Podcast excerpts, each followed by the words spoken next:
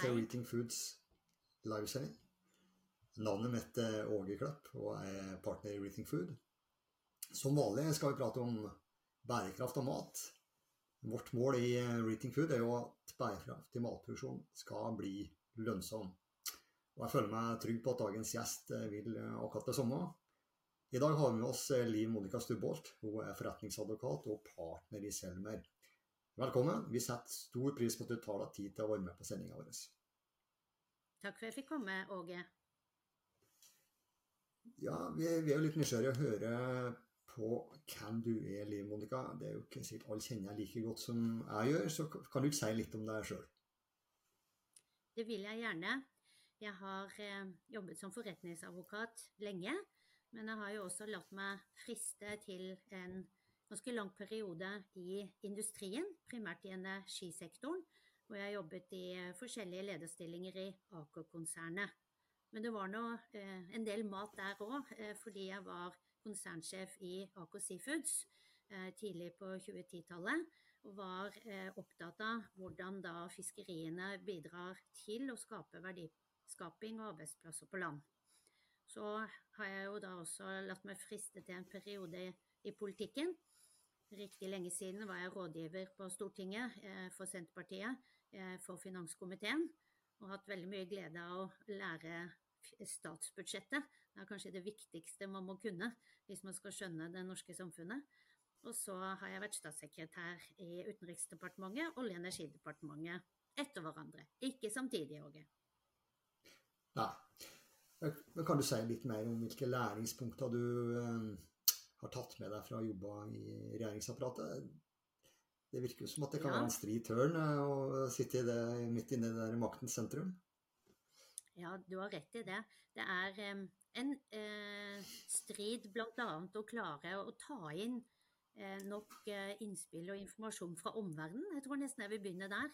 Det blir litt en osteklokke å sitte i regjering og få en så stri strøm Eh, av saker og eh, beslutninger som skal tas. At eh, man blir utfordra på det å orientere seg i terrenget og fange opp nye utviklingstrekk. Forstå det som skjer innenfor de sektorene som en skal følge opp. Og jeg har stor respekt for at det er tøft, fordi at kravet til tempo og kvalitet på beslutninger er jo ganske høyt. Ja, du nevnte å følge med trender. Eh, bærekraft er jo en eh, sånn type trend. En, det er jo en megatrend. Det tror jeg nesten alle er enige om. Kan du si noe om hvordan det påvirker arbeid i Selmer, og, og kanskje også for deg i ditt daglige virke? Jo, det vil jeg gjerne.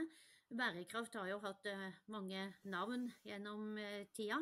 Egentlig så var det jo bærekraft en holdt på med både haugianerne og eh, Hydro som bygde arbeidstagerboliger i, Rjukan. Eh, og så en periode glemte man litt å snakke om det, og så kom det litt tilbake som CSR, Corporate Social Responsibility, og så fikk det nye bokstaver ESG, Environment, Social and Governance. Og det er jo det som brukes en del nå, men eh, bærekraft og god eierstyring er eh, egna norske ord. Det har påvirka hvordan jeg jobber som advokat i ganske stor grad, fordi jeg leder eh, vårt firmas team for bærekraft og eh, oppfølging av også andre forpliktelser som eh, går på antikorrupsjon og hvitvasking og alt den eh, lovetterlevelsen som man ofte kaller compliance da, innenfor konsulentbransjen. Og jeg ser jo at det, dette handler mye om metodikk, og det handler om å få integrert det i bedriftens strategi. Men den store forskjellen Norge, det er at eh, mens eh, menneskerettigheter, sosiale forhold, respekt for enkeltmennesket mer var en slags eh, ekstern eller regjeringsoppgave, så er det nå en integrert forventning til næringslivet. Det har vært veldig interessant for meg å følge utviklingen der. Og jeg ser jo hvordan den har påvirket så sjømatbransjen, som jeg har jobbet mye med som advokat. Det her eh, skal vi prate mer om. Eh, men først eh, kanskje et lite sidespor. Kanskje ikke et sidespor engang. Men strøm har jo vært et tema som har opptatt om ikke alle, så i hvert fall nesten alle i, den senere tida. Du satt jo i den regjeringsoppnevnte energikommisjonen som leverte anbefalinga 1.2 i år. Kan du si litt mer om mandatet til det arbeidet, og ikke minst hva dere, hvilke anbefalinger dere kommer? Ja, eh, det er interessant du spør om mandatet, Åge. fordi at det ligger mye god informasjon der om hvordan norsk politikk tenker om eh, kraft. Eh, blant annet står det jo at man er opptatt av hvordan Norge kan opprettholde et kraftoverskudd. Og det er jo veldig interessant fordi Norges selvfølelse og identitet er jo gjerne knytta opp til at en anser at i Norge har vi et kraftoverskudd. Og det eh, oppdaget man for et par år siden at det ikke var eh, verken en naturlov eller skrevet i Grunnloven at Norge skulle ha et eh, kraftoverskudd, eh, og at vi kunne risikere å få et underskudd allerede i 26-27, sier noen, andre 28. Det er ikke så veldig viktig, det er egentlig i morgen. Og derfor var Energikommisjonens kanskje viktigste oppgave det var å si hvor mye kraft trenger vi egentlig, og hvordan skal vi møte det behovet på det premiss at Norge fortsatt skal ha et kraftoverskudd. Og det er jo fordi Norge eh, er relevant for andre land ved å være en, et land med kraftoverskudd. Vi eksporterer eh, gass til et Europa som ikke vil kjøpe fra Russland lenger. Vi eh, er relevante ved at vi har vannkraft som er nyttig for de som er mer rent avhengig av sol og vind, som ikke lar seg lagre slik vannet gjør. Ja, det her eh, er spennende. Eh, og kraftpriser er vi jo alle opptatt av, og hva som skjer der. Ikke bare industri, men oss, og, som forbrukere. Eh, kan du si litt om ja, Hvis jeg kan bare bryte inn litt der, ja. så er det jo sånn at Energikommisjonens forslag Eh, var jo ikke eh, styrt inn på hvordan man skulle få ned strømprisene, for det er det andre utvalg som har gleden av å sitte og bale med nå. Men eh, det vi sa, det var at hvis forslagene vi kom med til å øke kraftproduksjonen blir fulgt, så vil det føre til lavere strømpriser. Så det er jo helt grunnleggende matematikk. Tilbud og etterspørsel får betydning for prisen. Jeg tror det forhåpentligvis henger sammen. Ja, det, men, men, hva tror du om eh, hvordan aktører i norsk matproduksjon kan komme til å spille eh, på dette feltet? Både da som forbrukere av kraft, eh, men også som potensielle produsenter av fornybar energi. Har du gjort deg noen ja, tanker om det? Ja, det er et veldig interessant spørsmål. For vi ser jo at det blir et mer fragmentarisk bilde for hvordan kraft blir produsert.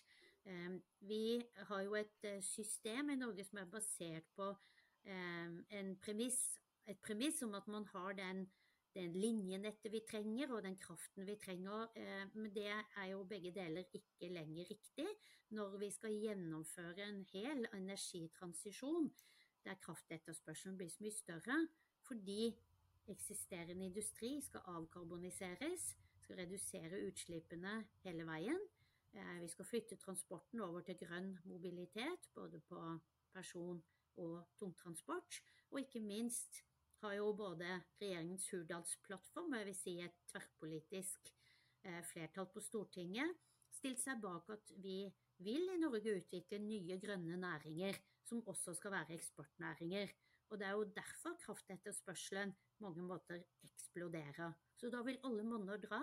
La meg nevne et eksempel som er veldig relevant for matproduksjon og norsk landbruk, og det er jo småkraft. Det var jo før noe man bare anså som en fallrettighet som kunne være en biinntekt for bonden, og det var bare relevant for den det gjaldt.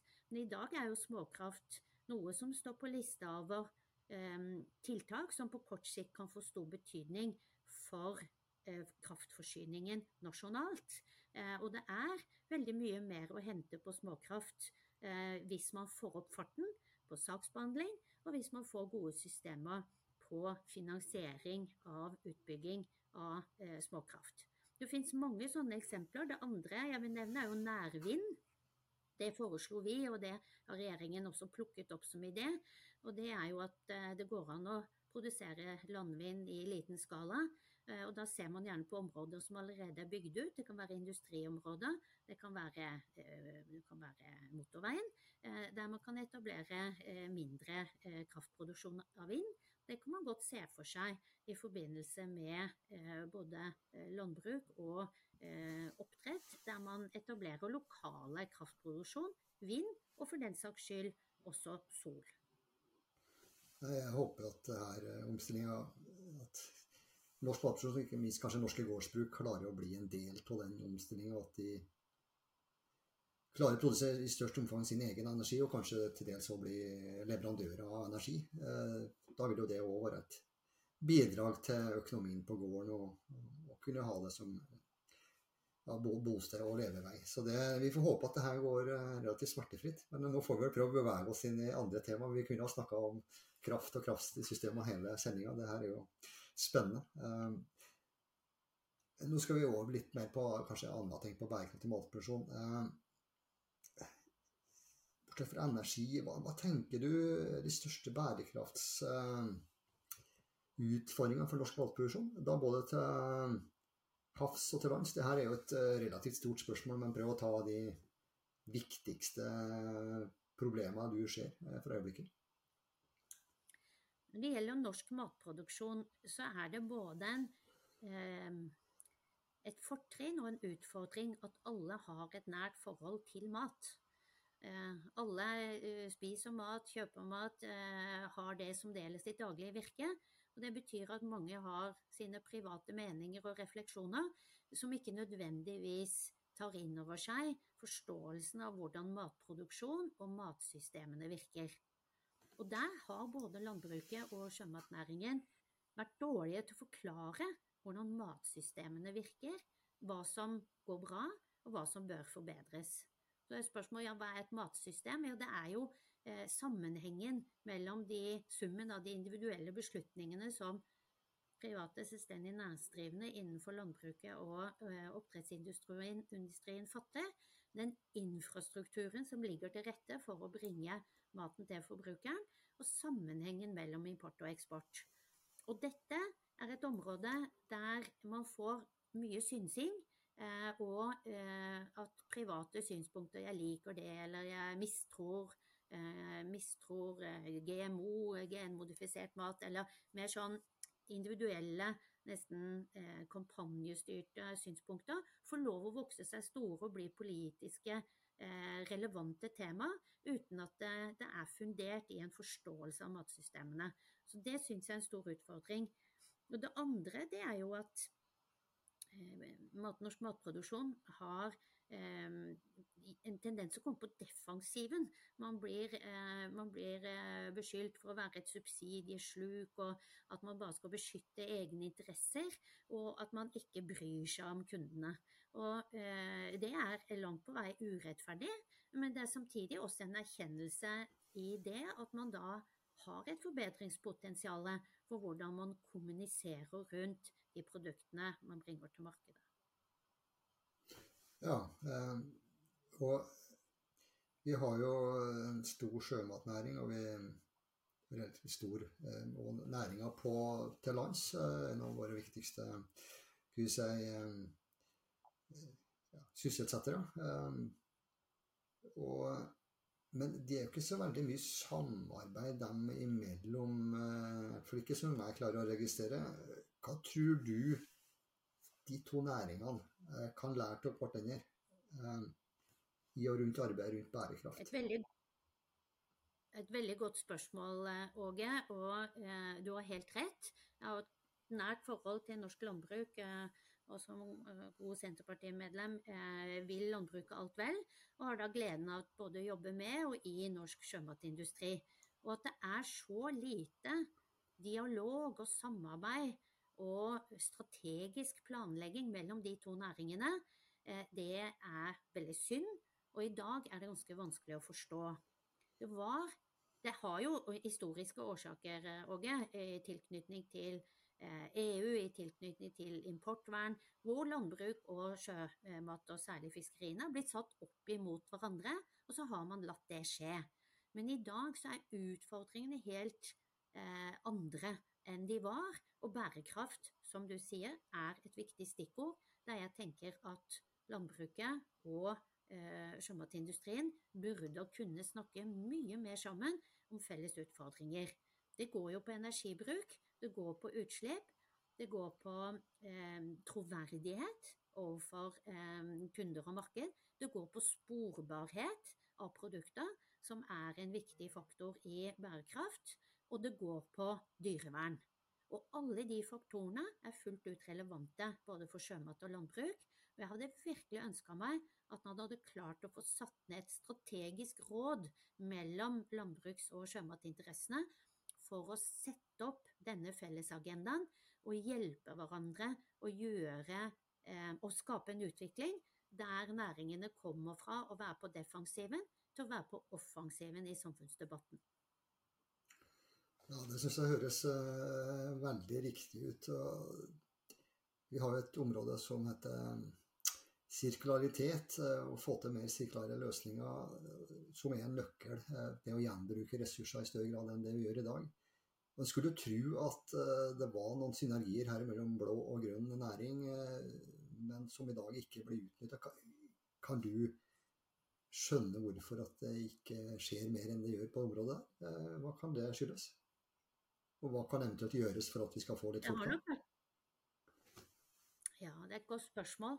Det har jo vært veldig forskjellig kultur da, innenfor både eh, landbrukets eh, enkeltmedlemmer og organisasjoner, og kulturen i sjømatindustrien og deres organisasjoner.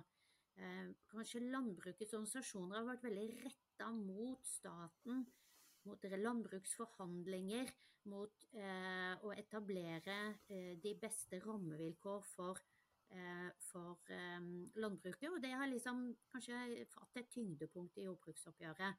Mens i sjømatnæringen så er det jo mange tiår siden man avvikla subsidiene til eh, fiskerier, og oppdrettsnæringen har aldri hatt egentlig subsidier og har eh, sprunget ut av kompetanse i fiskeriene. og Starta som en attåtnæring nettopp til landbruket. At man langs kysten skulle kunne ha noe oppdrett for å eh, spe på inntekten for landbruket langs kysten. Og så ble det en kjempenæring i seg selv, og den næringen har vært litt innadvendt, litt seg selv nok, jeg må jeg få lov å si, og så har den vært retta mot markedet. Dette er en stor eksportnæring der nesten alt selges ut av landet. Eh, og det har jo også gjort at man har en annen tenkning rundt prising, rundt hva som er de sentrale rammevilkårene, og rundt markedsføring av produktene. Vi er jo opptatt av at eh, lønnsomhet måte for å få til en eh, utvikling på bærekraft. At det reelt skal begynne å se noe. Hvis vi går på forbrukeren eller forbrukerleddet, i hvilken grad tror du norske forbrukere for den saks utenfor landet er villige til å betale noe for eh, den merprisen som mer bærekraftige produkter har? Eh, er det et, begynner å bli et marked for det? Og er det noe vi bør sikte oss inn på å ta? Ja, altså jeg har jo blitt fortalt, uten at jeg kan bekrefte det, men at forbrukerne eh, sier når de blir spurt at de er villige til å betale for bærekraft i større grad enn det de viser i handling. Eh, og eh, så tar man det til inntekt for at det lar seg ikke gjøre å få betalt. Og det syns jeg er en forhasta konklusjon, fordi at når forbrukeren sier jo, men jeg er villig til å betale mer for et bærekraftig produkt, så eh, gir jo det en retning. Og jeg tror ikke at det enkelte som svarer nødvendigvis er uredelig, jeg tror bare det tar tid å endre vaner. Og jeg tror det har med generasjoner å gjøre. Jeg har gleden av å jobbe med mange unge mennesker i alderen 20 til 30 år. Vi ansetter mye nyutdannede i vår virksomhet og i annen sammenheng, og de har en helt annen eh, oppfatning av hva de skal spise, og hvordan og hvorfor, enn eh, eldre generasjoner. Og Det betyr at utviklingen går i riktig retning. De er opptatt av eh, sporbarhet, de er opptatt av bærekraft, og de er opptatt av kvalitet, og de er opptatt av kortreist mat.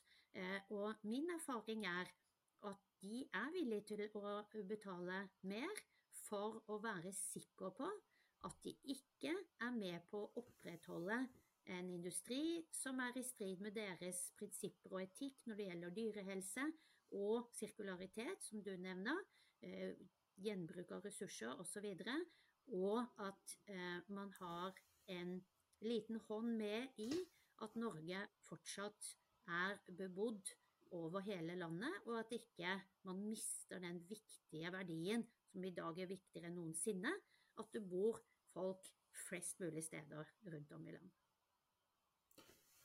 Og jeg tror det du sier her, at det kanskje er et generasjonsskifte på gang. Ehm, og eh, kanskje, kanskje vil da utviklinga her ehm, gå litt fortere enn kanskje mange tenker. For akkurat nå vil det vel kanskje bli bremsa litt av effekten av høy, høye priser som vi har fått pga. pandemi og Ukraina, og ikke minst påfølgende inflasjon. Så når det begynner å normalisere seg, så kan det kanskje at det her skyter enda mer fart. Hva, hva har du tenker du rundt nå det? Er det noe dine kunder bør være litt på var for? At her kan det være et skifte som er kanskje større enn det vi tror, som er på gang? Ja, jeg ser det. Jeg har gleden av å jobbe med forskjellige aktører innenfor eh, verdikjeden på mat. Og eh, jeg ser jo at de rigger seg for den framtiden du beskriver, og at det er en vilje også i eh, norsk matvareproduksjon til å se på og samarbeide om bærekraft med andre aktører som er i andre deler av verdikjeden. Men det er nøling fordi man har et en kultur, en praksis, en erfaring som eh, er eh, påvirket både av konkurranseforhold og at man eh, ikke ønsker å eksponere seg for at andre får noe til som man ikke får til selv. Så jeg tror han må prøve å kombinere arbeidet for å få til en mer bærekraftig produksjon med å bestemme seg for å være litt sjenerøs. Det er fint om andre får det til også, og derved bygge et marked som har troverdighet rundt bærekraft. For det man av og til kan høre, det er jo at eh, de som ser etter bærekraftige produkter, syns det blir for mye leiting for å finne det riktige, og vanskelig å identifisere eh, de forskjellige kriteriene man kan måle bærekraft på. Og nå som vi har fått en mye større lovregulering av dette, der syns jeg kanskje det er mye positivt utviklingstrekk også i EU på å prøve å eh, standardisere forventninger til det som er ikke minst eh, klimavennlig, men også bærekraftig når det gjelder sosiale forhold osv. Og, så og det vil eh, uniformere hvordan bedrifter, også innenfor matvareproduksjon, må regne, tenke og rapportere. Til syvende og sist så gjør det det lettere for kunden. Så eh, litt tålmodig må vi være. det går i riktig retning. Det blir lettere å ta valg, tror jeg. Ja, det tror jeg du har helt rett i. og uh, Her er nok bare å henge med i svingene. Uh, vi har jo jobba litt uh, med kartlegger før. I min forrige jobb så satt jeg som sekretær og fant kandidater for skulle få en innovasjonspris, og du var jo jurysjef. Og jeg har jo mistanke om at du fortsatt følger litt med når du ser på innovasjon og teknologi, eh, hvilke trender er det du anbefaler at uh, matbransjen følger med på nå? Så en av de eh, som eh, var kandidater for jurypris, og som etter hvert vant, var jo, eh, var jo teknologiutviklere som reduserte bruk av eh, ugressmidler.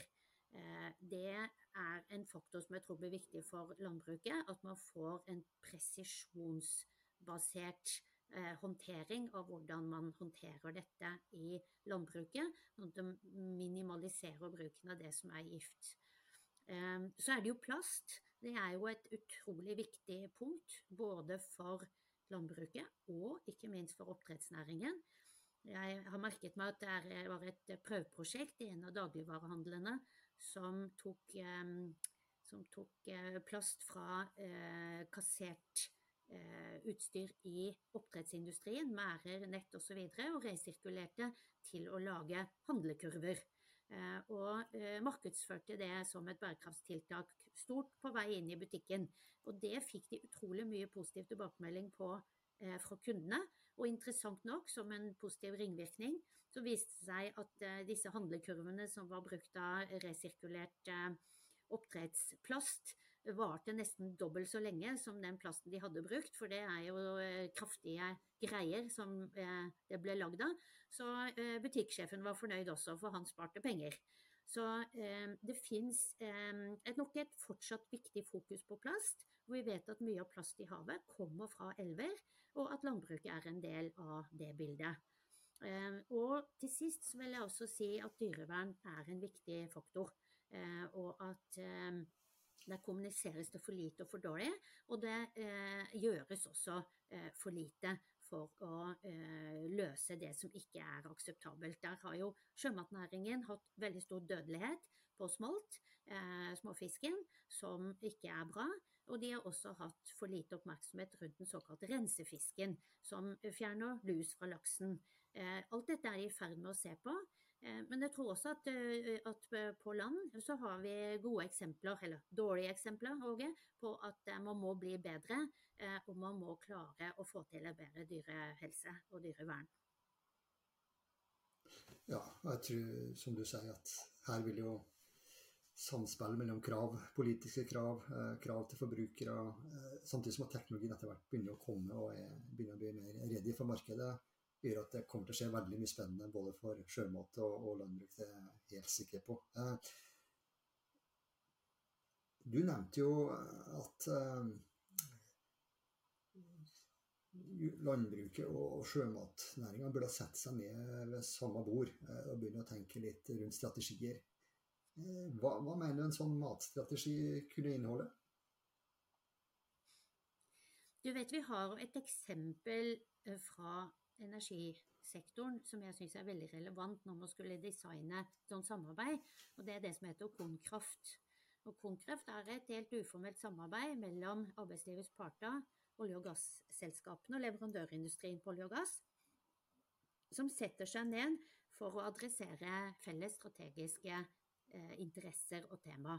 Og det kan jo være konkurranseevne, det kan være konkrete miljø- og klimaspørsmål, det kan være mange ting. De har vist seg utrolig effektive for å både få kommunisert fram hva næringen mener, og også drive lobbyvirksomhet overfor myndighetene. Fordi man da er faktabasert og har trukket veksler på de store ressursene som eh, selskapene har individuelt, til, inn i å lage rapporter og eh, derved bli en premissleverandør. Jeg ser for meg å kunne få til noe, noe lignende, et uformelt samarbeid med et sekretariat som sørger for at dette drives frem, og at man plukker opp trender og tar eh, plassen i det offentlige ordskiftet før det blir definert av norsk matproduksjons fiender. Eh, en, et slikt strategisk samarbeid ville eh, trenge et slags mandat, eh, et eh, dokument som eh, man fikk på plass ved stiftelsen, der man definerte fellesinteressen i sin retning, og så måtte det utvikles konkrete prosjekter etter hvert. Dette viser seg å være både kostnadseffektivt og ganske målretta for å oppnå resultater. Men i første omgang Åge, så tror jeg at det ville tjene til at man fikk noen aha-opplevelser på hvor mye fellesinteresser man faktisk har. For i dag finnes de, så vidt jeg vet, som du sier, veldig få, om noen arenaer der de viktige beslutningstagerne innenfor landbruket og sjømaten setter seg ned og snakker om norsk matproduksjon. Det er jo illustrativt. Det er jo ikke bare næringen som surrer med dette. Eh, det faktum at regjeringen og myndighetene heller aldri snakker om landbruk og fisk i samme setning eller i samme åndedrett, og at man har et landbruks- og matdepartement som ikke inkluderer fiskeri og oppdrett, som er den største matproduksjonen uten sammenligning i Norge, er faktisk ikke til å forstå. Nei, og eh, det hadde jo vært veldig interessant eh, å få følge et sånt type arbeid. Eh, og se hva det kunne ha ført til. Så vi får Nå er ideen, hvilken jeg kasta før, så er i hvert fall en jo der ute nå. Og så får vi se om det her modner seg fram litt etter hvert. For jeg tror det her kunne vært et meget spennende arbeid, og som det hadde vært stor gjensidig nytte av, som du nettopp sier. Her har han kanskje funnet noen Du vet det, Åge, at for å, komme i gang, eh, for å komme i gang med noe nytt, så må man gjerne starte med en liten gruppe eh, mennesker som kan snakke seg sammen og invitere andre til å være med. Så det kan jo tenkes at eh, du og dere kan være katalysator ved å stille spørsmålet til de rette menneskene, og kanskje til og med invitere dem til å sette seg ned og snakke om dette. Ja, det, det, vi, vi, tar hansken, vi. Så det, hvis vi klarer det, så skal vi nå Så setter vi i gang. Vi, skal, vi skal lufte ideen for uh, de som kan være med og dra lasset sammen med oss. Så vi, vi, får snakke mer om det her, Liv Monica. Uh, det er en meget spennende tanke som vi må, vi må evne å forfølge, noen av oss. Uh, litt i samme gata det er jo ikke tvil om at sjømatnæringa har blitt en vanvittig eksportsuksess, ikke minst med, med laksen. Tror du det er mulig å se for seg at òg norsk jordbruk kan lykkes med å, å hevde seg på et eksportmarked? Og selvsagt da i noe mer moderat målestokk. Men i så fall, hvilke konkurransefortrinn tror du norsk jordbruk kan spille på for å, å komme ut i den, den store verden?